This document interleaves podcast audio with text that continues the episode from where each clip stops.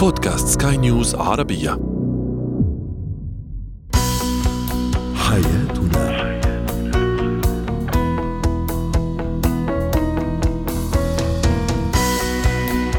مستمعينا الكرام أهلا بكم معنا إلى حياتنا. فضاؤكم اليومي الذي يعنى بشؤون الأسرة وباقي الشؤون الحياتية الأخرى والذي يمكنكم الاستماع إليه عبر منصة Sky News Arabia dot com slash podcast وباقي منصات سكاي نيوز العربيه الأخرى. أيضا شاركونا بآرائكم عبر رقم الواتساب 00971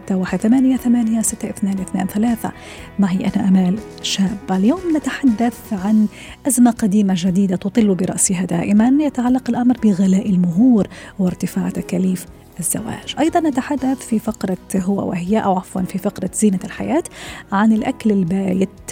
ما يعرف بالأكل البايت؟ هل له مضار على أطفالنا؟ وأخيرا إتيكيت المطبخ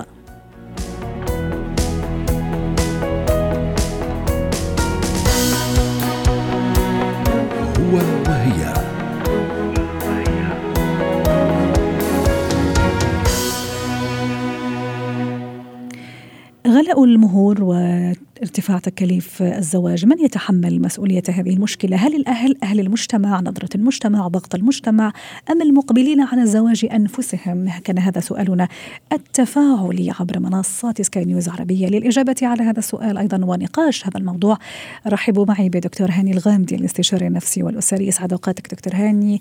رمضانك مبارك كل عام وأنت بخير. دعني في البداية أستعرض مع حضرتك ومع السادة المستمعين بعض التعليقات التي وصلتنا عبر منصات سكاي نيوز عربية. تعليق يقول مباشرة أم العروس يعني حملها مباشرة المسؤولية تعليق آخر يقول العرسان أنفسهم. المسلسلات التركية يقول أيضا محفوظ العادات والتقاليد والمعتقدات البالية التي تركض وراء القشور وسفاسف الأمور. أيضا تعليق آخر يقول بكل بساطة الابتعاد عن تعاليم دين الحنيف. وآخر تعليق يقول النفاق والتباهي بما ليس في طاقتهم. إذا الأجوبة اختلفت دكتور هاني بين محمل المسؤولية للأهل للعرسان وللمجتمع. ما رأيك؟ أهلا وسهلا بك سيدة آمال وكل عام وأنت والمستمعين والمستمعات الاكارم بخير. علينا وعليك تسلم. آه ما سبق هو صحيح ما عدا موضوع تركيا هذا المسلسلات المسلسلات يقصد المسلسلات لا يمكن هذا رح نفتح بعدين موضوع على موضوع ال social media أيضا والإعلام أتصور هذا عنده عنده دور دكتور هاني أكيد طب م. طيب أنا خليني أثبت لك حاجة إنه سبحان الله العظيم في زمن كورونا أنا أعتقد إنه في أشياء كثير تغيرت من ضمنها أثبتنا بانه نحن مهايطين وإنه إحنا منافقين وإنه إحنا للأسف كنا نتبع بعضنا البعض على كثير من الأمور القشور التي لا تسمن ولا تغني من جوع من أساسياتها يا أمال. موضوع الزواج والمهور والعزايم والخرفان والليالي المش عارف مين والتكلفة العالية. كل ده راح وتذوب سبحان الله العظيم. أنا أعتقد إنه أسعد الناس وأنجح الحيوات الزوجية وأفضل ما سيتم بإذن الله. هم من تزوجوا في زمن كورونا. لأنه يا أختي أنا بأدخل لا تثقلي على ظهري ولا على كاهلي. المهر هذا أمر على فكرة يعني عرفي موجود ضمن عدد عدد كبير من القبائل والمناطق وأمور أخرى كثيرة. وإذا ما عجبك إنك أنت تدفع مبلغ معين عندك varieties و option ات أخرى. لكن هو ليس القضية حقيقة. إنما القضية كانت والمبلغ الكبير اللي ينصرف هو في هذه البروباغندا اللي بتحصل مع موضوع ملف الزواج. اللي اليوم لا نصرف منه ولا حتى 5% مما كنا نصرفه فيما لا يسمن ولا يغني من جوع وأثبتنا أمام نفوسنا بانه إحنا ترى ممكن نزوج عيالنا وبناتنا على عزومة بسيطة صح. وعلى تكاليف بسيطة جدا، طب وين راحت المهايطات؟ وين راحت المنظرة؟ وين راحت كل التكشخات اللي كنا بنتكشخها على بعضنا البعض وإنه يا الله يا أمان شفت بنت فلان مطلعينها في مش عارف مقر ولا مكان عزومة، يا لطيف يا لطيف الله لا يبلانا حتى ما بيروحوا فقراء الناس، شفتي يا فلان وشفتي يا فلان، طب اليوم إيش معنى ما شفتي وما شفنا؟ سبحان الله العظيم، اذا نحن من قد كبر هذا الملف وجعل منه مقدسا لنصرف فيه مئات الألوف ونحن من تطوعنا اليوم وطوعنا بأن نفعل نفس الأمر وهو موضوع الزواج ولكن بنسبة خمسة إلى 10% من المصاريف. وبالتالي نحن السبب يا أمال وليس أم العروسة ولا المسلسلات التركية ولا مش عارف مين نحن السبب نحن من يعاد ترتيب أفكارنا ضمن أمور. نحن نحن حضرتك تقصد المعني بالامر يعني العروس وال وال والعروسة. المجتمع يا سيد. المجتمع المجتمع. المجتمع. نعم المجتمع. لأنه العروسة والعريس هذول حيجروا في الآخر مش عارف في متاعيس ولا مش عارف مين كده فيها مثل. اللي يهمني في الآخر إن هم حيصرفوا وفي الآخر والله الأكل بيتكب والمكان ما كان له لازم. واليوم أثبتنا بأنه إحنا نقدر نزوج عيالنا وبناتنا وإحنا فخورين في هذا الزمن. ما بدي أقول بين قوسين الزمن المبارك ولكن إذا كان نتائجه إنه أنا أتحول من أمر إلى أمر فأعتقد إنه هو زمن مبارك بكل ما تحمل الكلمة من معنى. أن طوعنا أن نزوج أولادنا وبناتنا ضمن هذا الستاندر المختلف. وهم عايشين وهو ابرك وهو والله مع الشرع وهو والله الأفضل من هذا المصروف اللي كان يتصرف في أمور لا يقبلها الله ولا رسوله ولا المؤمن. وحتى دكتور هاني أتصور يعني واكيد راح تشاطرني الراي ويا ريت أيضا تشاركني الموضوع. أكيد لما ندخل لحياه زوجية إحنا مثقلين بديون آه وبنوك وقروض أكيد ما راح تكون هذيك الحياة الجميلة لأنه آه تداعياتها أكيد ما راح تكون آه ما راح تكون كويسة ما راح تكون طيبة ليس كذلك كل هذا بسبب ارتفاع تكاليف الزواج. يا سيدتي نفسيا وأنا أؤكد لك ذلك يا أمال أن هناك من ينظر في مقابل ما دفعته ماذا ستقدمين لي يا زوجتي بمعنى لو رفعتي كلمتك إيه ده؟ أنا صارف عليك 300 ألف. أنت كمان ترفع عينك فيا؟ أنا جيدي أصلا على قولتهم طلعت لي قرنين. جيدي أنا زعلان وقرفان من المبالغ الكبيرة اللي أنا دفعتها فيكي. وبالتالي أنت الآن مستعبدة في مقابل ما أنا دفعته لأنه أنا ما دفعته حبا فيها. دفعته عشان أبغى أتزوج ولكن السالف والأمور الخاصة بالمجتمع وما طلبتوه مني أنتم وكسرتم به ظهري وبالتالي لن أعيش بحب لأنه يا أختي أنا الآن لما واحد يصدم لي سيارتي حفرح وأقول له بارك الله فيك ولا أزعل؟ حزعل لأنه في الآخر مهما كان دفع لي من تعويض إلى أنه شكل السيارة ما زال مش ذاك الشيء الجديد اللي ممكن يكون والله في الفرحة اللي كانت. اليوم لما أدفع فلوس أنا كرجل أو أنا كامرأة وبالتالي أصل إلى هذا الكم الكبير من المبالغ المدفوعة والله لن تصفى النفوس. لكن اليوم دخلنا بخير وأصبحت الأمور من فضل الله بخير والجميع موافق والجميع يبارك. سبحانك ربي العظيم في أفكارنا من مجتمع. سبحانك ربي العظيم كيف تغيرنا؟ ولكن بهذا الأمر اللي موجود اليوم يا ريت نستمر وإن شاء الله نستمر وأنا أؤكد إنه أعتقد يا أمال إنه الشخص اللي حيجي بعد زمن كورونا بالتجمعات وإلى آخره ويعمل اللي ما كان يعملوه زمان أعتقد إنه حيكون ضمن لائحة الانتقاد.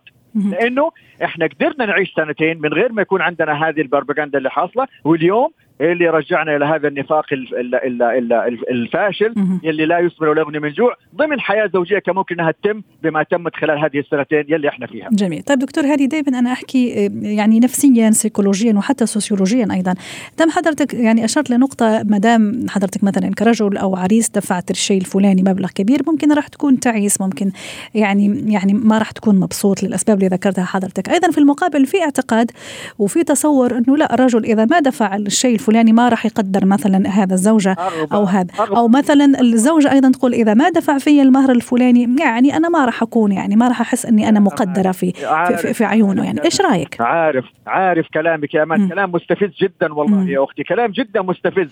أنا مش كلامي مش أنا اللي مستفز الكلام صح؟ أنا أنا عارف يا أختي بارك الله فيك. عارف إنه مش هذا حضرتك ابدا. يعني هذا كلام البعض.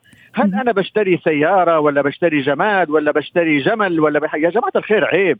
عيب إنه إحنا نعتقد إنه قيمتي عندها حتكون فيما هو عليه قيمة المال اللي دفعت فيه. ليش هو لو دفعت فيها خمسين ألف حتقل أدبها علي ولو دفعت ميتين ألف حتكون طوع يدي؟ إيه الكلام الفارغ الغريب العجيب هذا يا جماعة؟ هل هذا هو ديدن البشر؟ هل هذا هو عقلية إنسان ممكن يتزوج إنه والله أنا حسكتها ورجلي على رقبتها لأنه دفعت فيها مش عارف كم ألف وما وما طالع فيها؟ ما هو ده اللي أنا قلته في بداية كلامنا. الأمر لا يقاس بما قد دفعناه يقاس بهذه المحبة والمودة والرحمة والسكن والعيش إلى صدر صدور بعضنا البعض. هذا هو ما يعول عليه وليس ما أنا دفعت فيها قيمة كذا فمعناته لازم أنت كنت منصاعة ومستعبدة عندي. ما للأسف إحنا لو وصلنا الأمر يكون بهذه الطريقة لأنه جعلنا من هذا المال هو في مقابل ما ما سيقدم الطرف الآخر وهذه اخيب فكره ممكن إنه بشر يسمعها أو يوقنها أو يعتنقها أو حتى يطبقها وينفذها. جميل. أيضا حتى نختم أيضا معك دكتور على خير في نقطتين سريعا أنا حابة أتوقف عندهم موضوع مثلا ال social media واللي ذكر هذا أيضا المسلسلات قصدي المظاهر وتأثر بعض بالبعض بهذا المظاهر ممكن نشوف كذا مرة طلعت فلانة أو فلتانة مثلا تتباهى بالمهر أو تتباهى بحفلة الزواج والبذخ اللي صار في حفلة زواجها ممكن لا شعوريا بعض النساء يتأثرن في اللاوعي بهذا الموضوع وتطالبن بنفس بنفس الأشياء. أحسنت يا سيدتي. وهل أنا بلاش أقول هم؟ خليني أقول أنا أحط على حالي. هل أنا غبي وساذج؟ لدرجه إني أصدق إنه هي هذه المعطيات اللي حتخليني لي قيمة أو تخليني ما لي قيمة. إذا كان هذا تفكيري فعن الله على مرضي اللي في مخي. معناته انه أنا إنسان أو إنسانة لا أفكر بالطريقة الصحيحة وبالتالي لا اتحمل نتائج. وبيني وبينك النوعية اللي زي هذه ما نتزوج منها يا معلم جميل. وآخر نقطة أيضا في بعض أولياء الأمور ويشكرون عليها دكتور هاني. بالعكس عملوا مبادرات كثير جميلة وكثير حلوة إنه ما يطلب من مثلا من العريس أكثر من طاقته. ممكن أشياء رمزية جدا مبالغ رمزية جدا حتى يتمم على خير هذا الزواج. لأنه الهدف أنه يعني الرجل مش مش مش فلوس الرجل يعني. عمره ما كان المال هو في مقابل ما ستقدمه البنت. من المعيب جدا إنه رجل عنده اختلال عقلي أو امرأة أم أو أب يفكر بهذه الطريقة إنه والله إحنا دفعناه مئة ألف عشان نوريه قيمة بنتنا ليش قيمة بنتكم إيه؟ بتشتروا أنتم جمل فحل؟ إيه الكلام الفارغ ده؟ إيه الكلام العجيب الغريب ده؟ يا جماعة إحنا بشر. إحنا مش مش حيوانات نباع ونشترى. إحنا مش سيارة بنباع ونشترى. وهل هي قيمة الإنسان في هذا المال الذي يدفع؟ بل بالعكس نمشي على السنة وعلى الأصل وعلى الدين عشان أريح قلب هذا الولد يلي حي... حيكرم بنتي لأنه أنا ما ضغط عليه. واضح. وهذا هو العقل والحكمة. واضح. شكرا لك دكتور هاني الغامدي الاستشاري النفسي والأسري ضيفنا العزيز من جدة يعطيك العافية.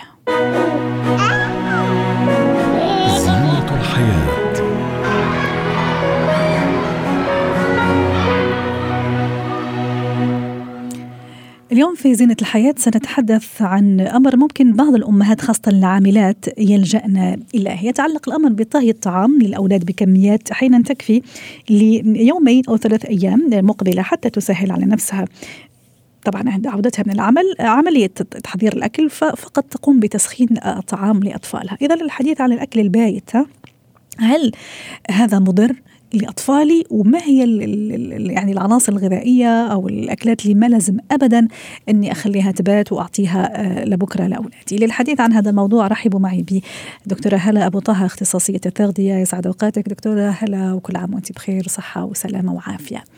أنا آه، امرأة عاملة وأم عاملة وما عندي وقت كثير إني يوميا أطبخ لأولادي، أحيانا أطبخ اكلات تجلس يومين ثلاثة واسخنها للأولاد، هل في ضرر في هذا الموضوع على صحتهم؟ ابدا. هلأ كل العلم بحكي هو المشكلة إنه إحنا عندنا بال بالأكل في بكتيريا. م. فهاي البكتيريا ممكن إنها يصير لها تحفيز ويعني تصير فعالة. إذا ضلت وقت طويل آه، بطعام أو ببيئة جيدة للتكاثر أو هي ضلت بحرارة عالية ممكن إنها آه، آه، تزيد الفعالية تاعتها. فعشان هيك إذا كانت الأم لازم تطبخ بوقت طويل. خلينا نكون متفقين من هلأ. الأكل ماكسيموم أو بالكثير لازم يكون لأربع أيام مش أكثر مطبوخ. يعني صعب نطبخ من يوم السبت وناكله يوم الخميس.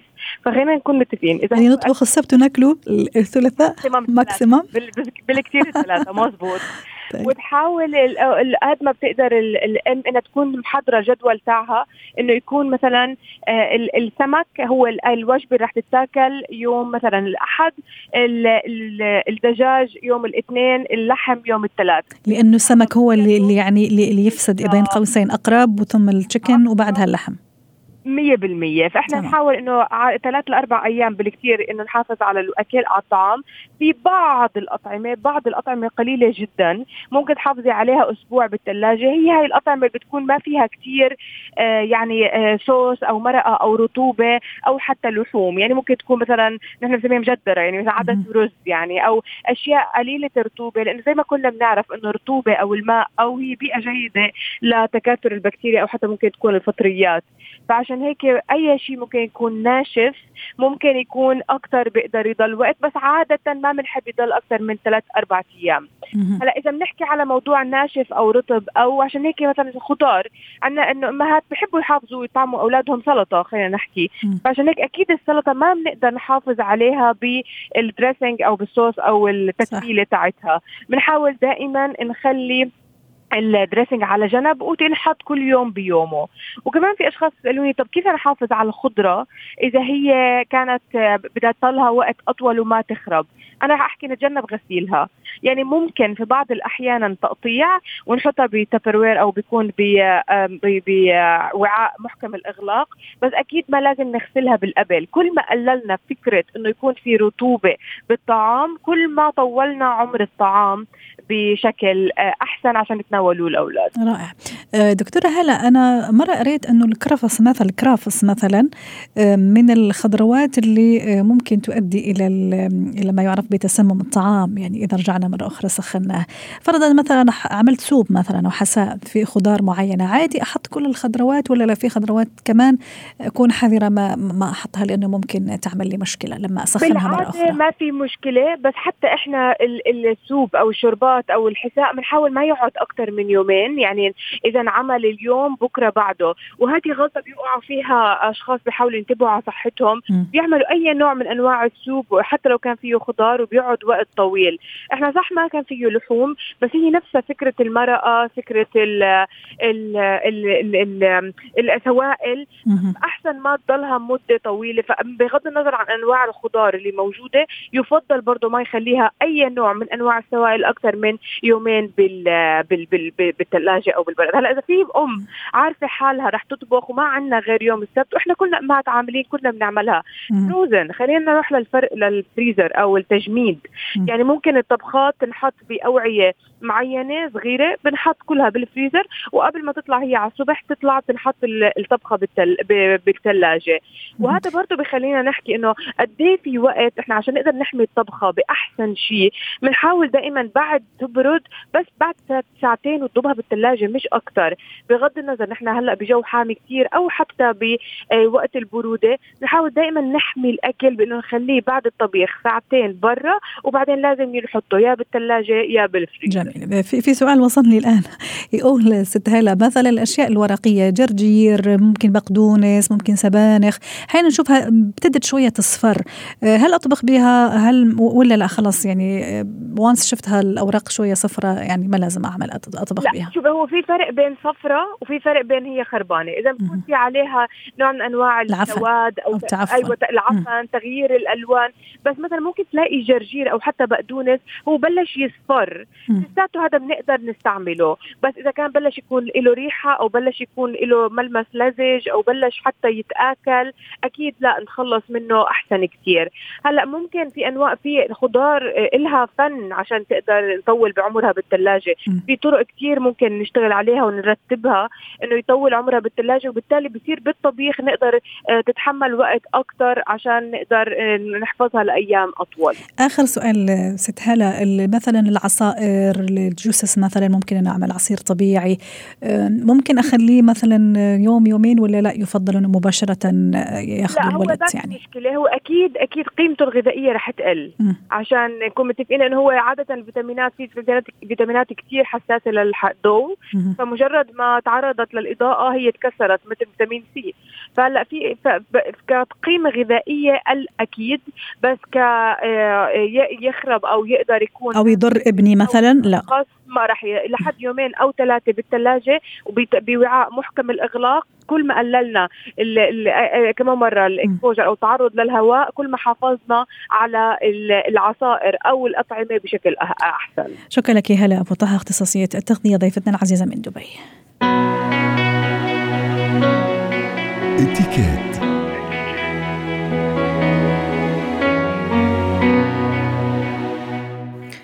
اليوم في اتيكيت حديث عن اتيكيت المضغ. طبعا ممكن الموضوع مناسب جدا لأنه في أيام شهر رمضان تكثر العزايم ممكن الولائم والموائد العامرة. آه، نتحدث إذا عن هذا الموضوع مع ضيفتنا العزيزة من بيروت مارلين سلها بسعد أوقاتك أستاذة مارلين خبيرة الإتيكيت. يا أهلا وسهلا. ست مارلين أكيد أحيانا في مواقف محرجة يعملوها بعض الأشخاص وهم عم يمضغوا مثلا الأكل تحطهم في مواقف شوية محرجة أمام الناس. ما هو الإتيكيت اللي لازم أنا أحرص عليه أثناء عملية المضغ نعم. للأكل؟ نعم. إذا بدنا نحكي بس عن المضغ بحد ذاته في أربع أمور مش أكثر إنه ننتبه عليها. وأكيد على الطاولة ضمن نطاق المضغ إذا معنا بنقول عن أربع أمور تانية. أول شغلة بدنا ننتبه لها هي إنه ما نكبر اللقمة بتمنا. هيدي أول شيء الإنسان لازم ينتبه عليه. لأنه الجمعة لما بتكون على الطاولة كل الناس بتحكي. ما فيك تيجي تطلبي من العالم إنه ما تحكي أنت وتمك آه منك بالي على اللقمة. لأنه بيقول لك ما بعلم الطاولة هي لتجمع الناس وللناس تتسلى وتكون كلها مجموعة. دونك من هالمبدأ الأفضل نبلش من أول الطريق إنه ما نكبر اللقمة. وتضل آه، تمنع مش ملان كثير أكل. هلأ لما بنجرب نمضغ الأكل على طول لازم يكون الفم مسكر. أه. مش مفتوح لأنه هيدا كثير مزعج إنه نشوف الأكل بيتم شخص آخر. والأهم كمان بلا أصوات. يعني لما بناكل مش مفروض نعمل ابدا أصوات. دونك مسكرين تمنا لقمه منا كثير كبيرة وبلا أصوات. أكيد بدنا نبلع الطعام شوي شوي بهدوء.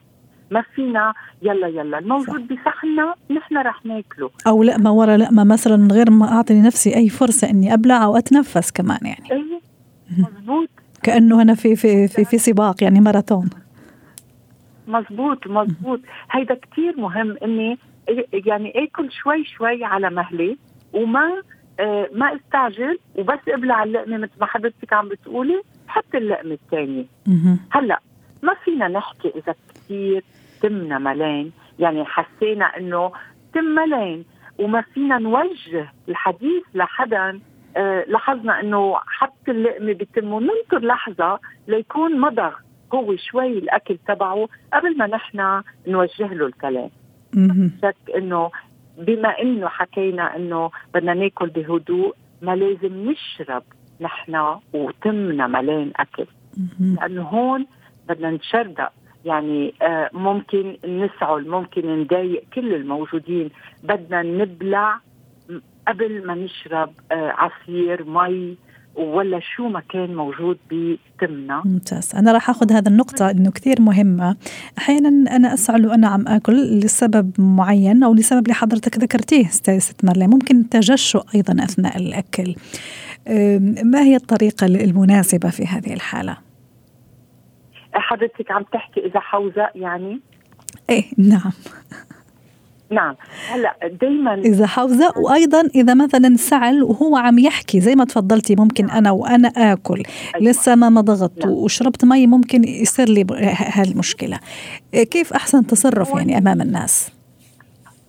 شو عندك حق؟ لأنه هون دائما نحن ما بننتبه لما نحكي عن الأكل إنه أول شغلة بدنا ننتبه لها إنه الفوطة هي مش للحرج مش بس لأنه لنحطها على طول فوطتنا بدها تكون جاهزة. لما بقعد على الطاولة فوطتي جاهزة لاذا أنا لا سمح الله سعل أم إذا حوزقت whatever أم لا سمح الله لقمة بتمي آه أو عطست أحيانا. آه نعم م. نعم نعم. هيدي على طول الفوطة بدها تضل جاهزة بشكل قد إيه في يكون أنا بس بشكل كثير آه ديسكريت يعني مش قدام العالم. بدي يعني قديش في يكون آه، كيف بيقولوا ما تأخذيني؟ إنه آه، حتى الفوطة على كمي. حسيت إني بدي أسعل أكثر. دغري بنسحب عن الطاولة بقوم على جنب وهون أنا بقدر أكيد أرجع غسل تمي وأشرب مي وأشرب على الطاولة. ودائما نحن في... موجودة على الطاولة الفوطه الفوطة. طيب ودائما في نفس السياق ممكن شوي نطلع من من المضغ لكن كمان يعني ونحن عم ناكل آه، في بعض الأشخاص معلش ممكن يستخدموا سامحيني أيضا وسامحوني المستمعين على الوصف استخراج بقايا الطعام من الأسنان أثناء وجود الناس يعني بهذا الكيردون مثلا. فتصور شوية يعني الأمر مش مش مش لطيف يعني. حتى نختم آه نعم بس أنا بدي أقول شغلي هون بنرجع شوي على المطاعم لأنه هي كانت تسمح إنه يحطوا العود تبع الأسنان مم. مش مسموح ابدا إنه نحن ولا بإصبعنا ما تأخذيني أنا مم. ولا بالعود تبع ال- ال- الكردون يعني نستعمله ابدا حتى إذا لاحظت إنه حضرتك في حد جنبك حدا عليه يمكن شيء بقدونس شيء. كمان بهدوء من دون ما حدا يلاحظ تقولي له إنه يوجد شيء على فمك وما بتطلع كثير فيه بتقولي جملة وبتبرمي بس ابدا ما بنحط إيدنا بتمنا لأنه يعتبر الكردون مثل كأني عم بحط إصبعي بتمي قدام كل الناس. هيدا هو الوضعية لازم تكون بهالشكل إذا أمكن ابدا ما نستعمل ولا الكردون ولا إصبعنا ولا نشيل اللقمة على الطاولة. مم. ننسحب ومنشيل اللقمة واضح. شكرا لك ست مارلين سلهب خبيرة الاتيكيت ضيفتنا العزيزة من بيروت يعطيك العافية. حياتنا.